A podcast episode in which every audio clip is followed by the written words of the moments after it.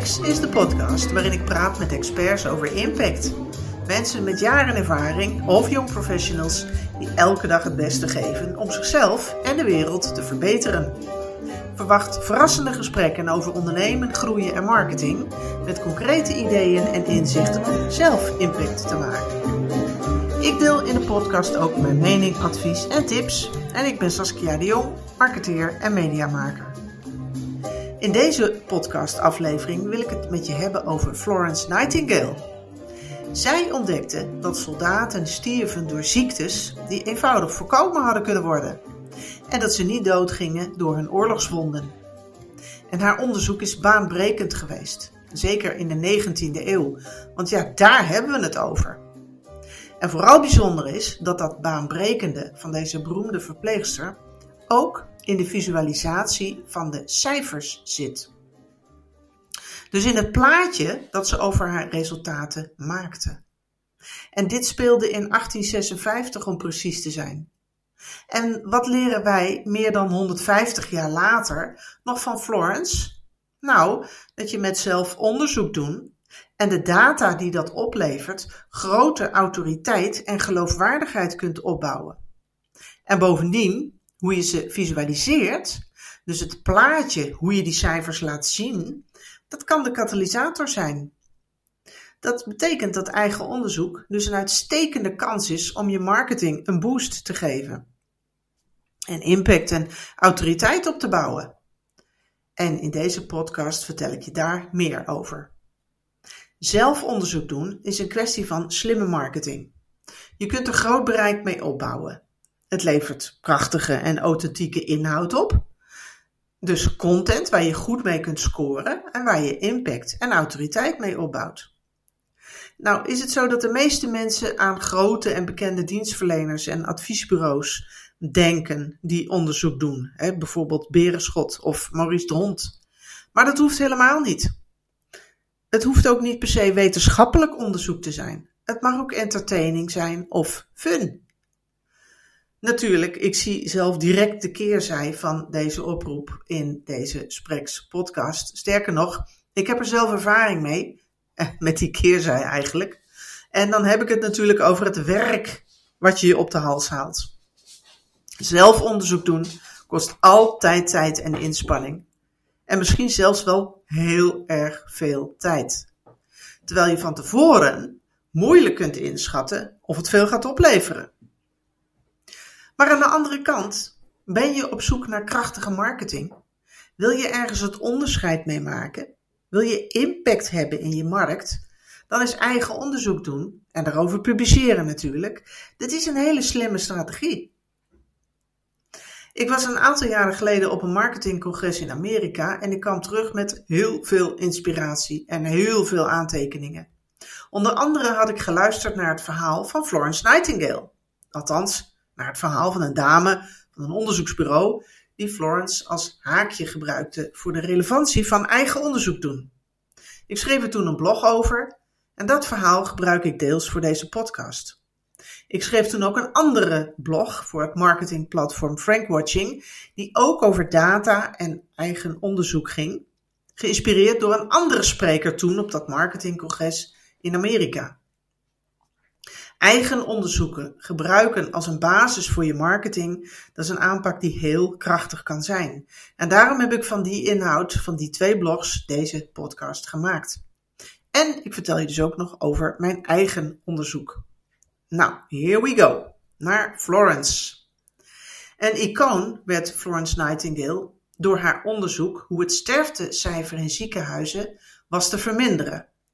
Niet alleen op medisch gebied, maar vooral door de wijze waarop zij de cijfers naar buiten bracht, werd zij iconisch. Want uh, haar data, die visualiseerde ze met de zogenaamde Hanekam. En dat is een soort cirkeldiagram die zij zelf dus ontwikkelde. Als je op internet zoekt, kan je hem denk ik wel vinden. Hij staat ook in de blog die ik hierover schreef.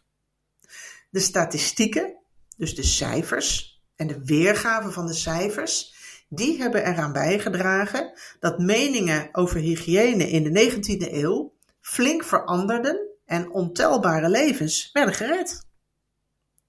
Want van tevoren realiseerde Florence Nightingale zich al dat niemand de statistieken zou gaan lezen van dat wat zij had ontdekt. Zij had namelijk al statistieken over de ziekenhuissterfte en medische behandeling tijdens de Krimoorlog verzameld. Maar de politici en ambtenaren voor wie ze waren bedoeld, die hadden niet de wiskundige achtergrond om de tabellen met informatie te begrijpen. En zelf had ze die kennis wel.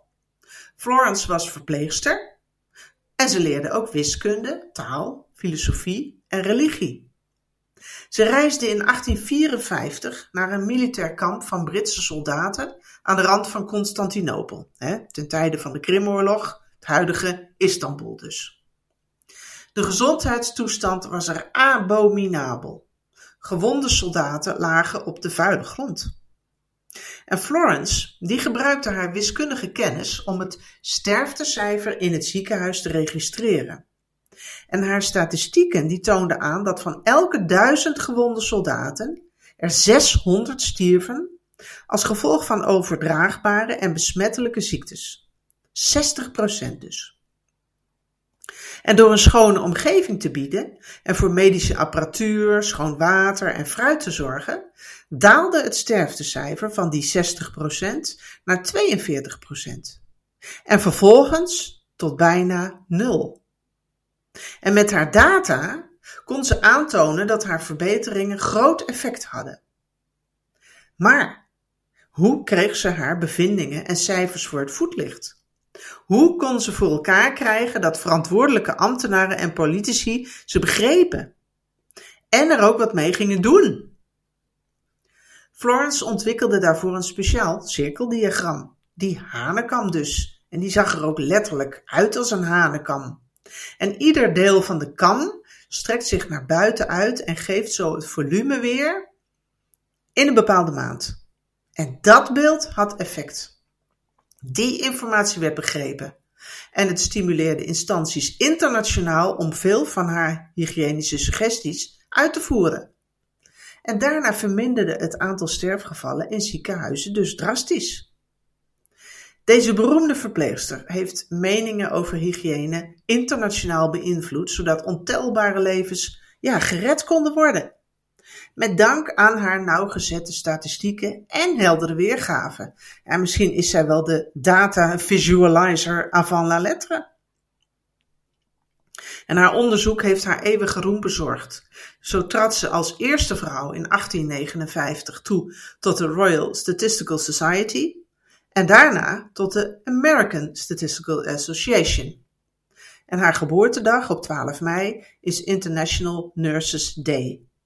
Nou, eeuwige roem is misschien voor gewone stervelingen als jij en ik niet weggelegd, maar Florence's aanpak en werkwijze, die kunnen je misschien wel inspireren, ook meer dan 150 jaar later. Want uit dit verhaal blijkt dat het effect van onderzoek fors vergroot kan worden door de manier waarop je de resultaten naar buiten brengt en die data dus visualiseert. Maar je bouwt ook al bereik op als je zelf onderzoek doet. Zelf onderzoek doen levert krachtige content op. Heel krachtige waarmee je impact in je markt kunt maken. Want, en ja, hier komen dan vijf uh, redenen, nee, vier redenen, ik zeg het fout, er komen vier redenen waarom je zelf onderzoek zou doen. En de eerste is, zelf onderzoek doen bezorgt je autoriteit en geloofwaardigheid. En reden twee is interessant voor de media, voor journalisten en voor de markt uiteraard. En reden drie, ja, je wordt genoemd en je wordt geciteerd, je wordt gevraagd. En vier, een reden om zelf onderzoek te doen is, ja, het geeft uh, je onderwerpen voor presentaties en publicaties en ook voor ontelbaar veel andere content. Zowel van jezelf als ook van anderen die daar iets mee kunnen doen. Nou is het zo dat velen denken dat het niet voor hen is weggelegd. Uh, denken er niet aan, zien er tegenop. En dat maakt eigenlijk zelf onderzoek doen een onbenutte marketingkans. En dus ook een hele uh, aantrekkelijke, zeker als zoveel anderen in je markt het niet doen. Maar ja, let natuurlijk wel op, het moet waarde hebben. alleen als het kennis en informatie betreft die waarde heeft voor de lezer, voor je klant, voor je doelgroep, ja, dan heeft het zin om eraan te beginnen en data te verzamelen, te analyseren en daarover te publiceren. En is het te dun? Is het uh, niet goed genoeg? Nou, dan prikt iedereen er natuurlijk zo doorheen en dan levert het je niet uh, op wat je had uh, gehoopt en had beoogd. En misschien is het dan wel aardig voor je website, maar een, een, echt verschil maak je er dan niet mee. En de pers pakt het niet op en ja, een groot effect heeft het dan niet. Ja, dat betekent dat om met onderzoek te beginnen, je eigenlijk eerst drie dingen moet bepalen. En de eerste is, wat is interessant voor je doelgroep? Waar zitten ze mee? Waar lezen ze graag over? Waar praten ze over? Waar houden ze zich mee bezig? Wat zit nu op hun netvlies? En vervolgens, ja, wat sluit ook aan bij waar je zelf mee bezig bent? Ook hè, op dat soort vlak als waar je doelgroep ook mee, eh, mee zit en mee bezig is. En als derde, ja, wat is nieuw? Wat is uh, zodanig uh, onbekend, nieuw, anders, uh, dat je daarmee ja, bereik kunt, kunt krijgen?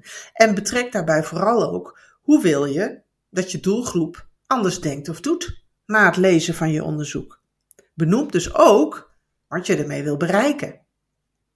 En ga in dit stadium ook na welke frequentie je onderzoek zou kunnen hebben. is dat jaarlijks of is het misschien eenmalig? En bedenk ook bijvoorbeeld of je wilt partneren met anderen en wat voor budget je ervoor kunt vrijmaken.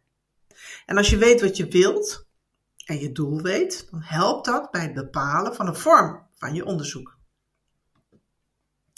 En als je dat helder hebt, beter helder hebt, dan kun je al in een vroeg stadium bepalen wat voor uh, content je er vervolgens, hè, met die resultaten die je straks hebt, wat voor content je er dan ook over kunt maken en waar de markt interesse in zou kunnen hebben. En afhankelijk van je doel en ambities kies je welk soort onderzoek geschikt is voor jouw doelgroep. En dan kun je bijvoorbeeld denken aan ja, uh, polls en, en mini-surveys of analyse van externe data of ja, vergelijkende onderzoeken, hè, benchmarking. Je kunt resultaten halen uit eigen onderzoek, maar je kunt ook publiek toegankelijke data onderzoeken en vergelijken. Klein of groot, eenmalig, jaarlijks. Houd steeds voor ogen wat is van waarde voor je klant, voor je lezer, je doelgroep. Waar heeft hij of zij wat aan?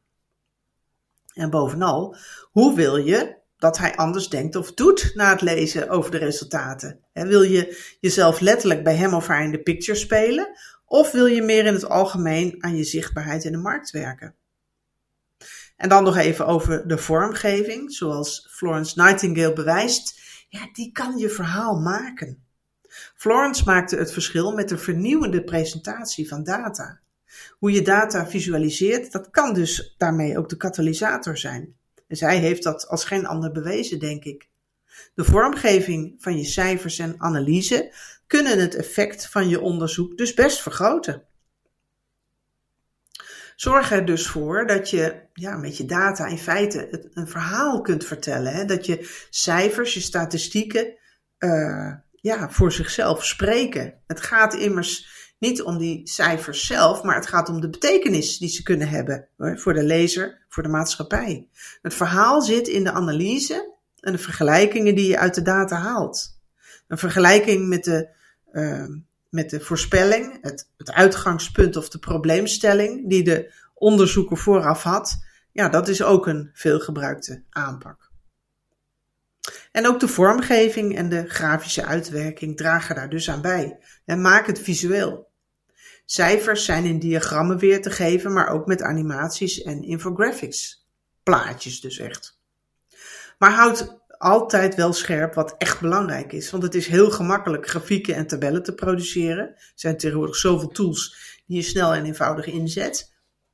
Uh, en misschien maakt dat het juist nog lastiger om echt over te dragen waar het om gaat. Een echte autoriteit in je sector, die word je uh, ja, als je met, met nieuwe en, en originele data komt. Hè. Waar wordt over gepraat, maar kun je nog niet over lezen? Dat kost je weliswaar meer tijd en inspanning om dat te verzamelen, maar het vergroot ook het belang van je boodschap en kan je vervolgens ja, dan ook misschien meer resultaat opleveren. Realiseer je in dit verband ook uh, dat online veel meer wordt gezocht naar inhoudelijke content dan naar commerciële informatie. En dat maakt eigen research in tekst en beeld dus eigenlijk hele krachtige content. En dat wordt zeker versterkt als je er ook je eigen mening aan kunt toevoegen. Dat soort content die krijgt op socials ook de meeste link, links en shares. En dat geldt vooral als het inhoudelijk is en een nieuwe blik of visie weergeeft. Of een nieuwe kijk is op iets. Iets dat nog niet eerder benoemd of gezegd is. Ik wil je nog op weg helpen met drie soorten eigen onderzoek die de basis kunnen vormen uh, als je zelf met onderzoek aan de slag wilt. En de eerste is vergelijk informatie die openbaar toegankelijk is. Dus vergelijk bijvoorbeeld inhoud op websites of ontwikkelingen of trends en verbind daar jouw conclusies aan. Dus doe er zeker wel ook je eigen ding mee. En het tweede eh, voorbeeld, hè, ditzelfde uitgangspunt, kun je ook doorvoeren door data van verschillende bronnen samen te voegen en daar iets van te vinden. Wat staat er op de ene site, wat op de andere? Hoe ontwikkelt het ene product zich, hoe het andere? Hoe zit het in de ene sector? Hoe zit het in de andere sector? Nou, enzovoort. En als derde vorm, tot slot, doe een enquête. Misschien gewoon door een online vragenformulier naar je doelgroep te sturen en ze vragen voor te leggen. Of ja, dit breder uit te zetten. Uiteraard hier ook resultaten en conclusies aan verbinden. En dat is een vrij eenvoudige manier van onderzoek doen.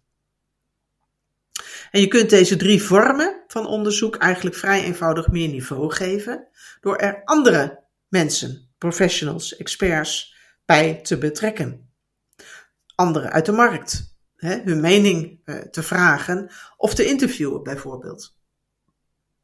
En tot slot, deze drie vormen van onderzoek die worden extra krachtig als er een herhaling in zit. Dus een onderzoek wat je bijvoorbeeld ieder jaar doet. En dat gaat natuurlijk dan door die cyclus extra herkenning krijgen. Zeker als je daarin ook weer gaat vergelijken. Dus hoe de cijfers van de jaren onderling zich uh, verhouden. En een ander voordeel dat met deze herhaling speelt, is dat je de opzet van het onderzoek dan al hebt. Dus je het misschien makkelijker in andere jaren kunt maken. Waar wordt over gepraat, maar kun je nog niet over lezen? Een, een echte autoriteit in je sector word je als je met nieuwe en originele data en cijfers komt. Er zijn niet veel bedrijven die op deze manier hun marketing insteken. En meer data uh, vergaren kost weliswaar tijd en inspanning, maar het vergroot ook het belang van je boodschap en je geloofwaardigheid en je autoriteit. En dat ja, kan je inderdaad dan misschien dus uh, uiteindelijk ook meer resultaat geven. En heb je iets beet? Hè? Ben je iets aan het analyseren? Komen er resultaten uit? Komen er conclusies uit? Uh, waarmee je meer bereik en betrokkenheid kunt krijgen. Nou, gebruik het en doe er iets mee en laat het zich versterken. En verbeter ook content die je uh, erover hebt geschreven gaandeweg, die je erover hebt gepubliceerd. Maar maak er bijvoorbeeld ook uh, meer uh, van dan alleen die ene blog. Maar bijvoorbeeld ook een infographic of een video of een e-book. dus probeer het zo breed mogelijk wat dat betreft in te steken, om ook dus uh, meer bereik daarmee te kunnen krijgen. Nou, als beloofd kom ik ook nog terug op het onderzoek dat ik zelf eh, deed enkele jaren geleden. En dat is het volgende. Ik bekeek 100 websites van bouwers en installateurs. En de grote conclusie was dat op veel van hun websites weinig informatie was te vinden over projecten, personeel en actualiteiten. Onderzocht was namelijk uh, in hoeverre de websites de connectie met de lezer leggen. Daar ging het om. En gekeken is naar het persoonlijke karakter van de site, projectweergave, nieuwsvoorziening, of de site de lezer tot actie aanzet en of hij de site als het ware wordt ingetrokken. Ik vond de resultaten verrassend, die uh, ik verzamelde, omdat de negatieve scores overheersten. Zo toont 60% van de onderzochte installateurs geen projecten op hun site. Het doel van dit onderzoek was om met het e-learning platform Etago dat ik had opgericht in de picture te komen via publiciteit voor dit onderzoek.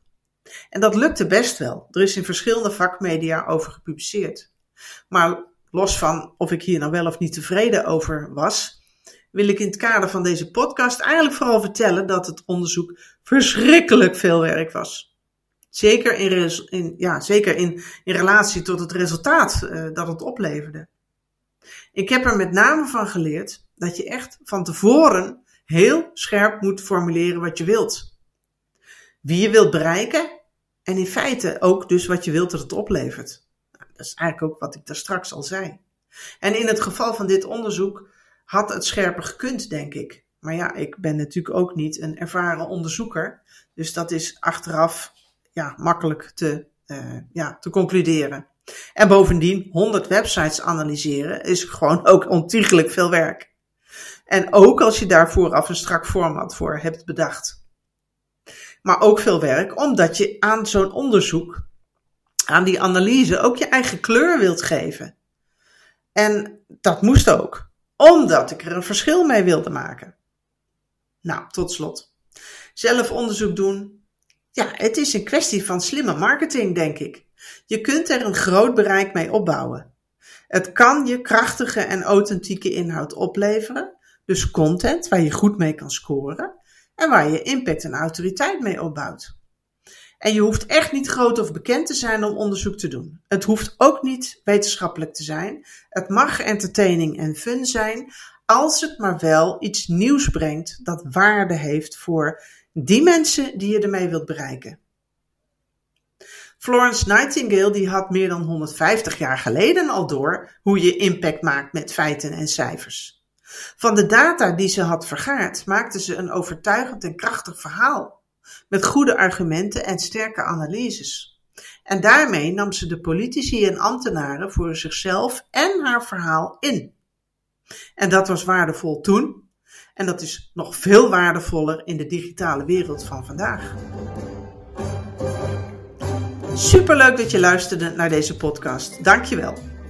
Wil je geen aflevering van Spreks missen? Abonneer je er dan op. Dan krijg je automatisch bericht als ik een nieuwe aflevering heb gemaakt. Je beluistert Spreks op Spotify, Apple en Google. En spreekt de podcast je aan? Geef me dan een review via je podcast-app. Dan kan ik nog meer luisteraars bereiken. Graag tot de volgende aflevering.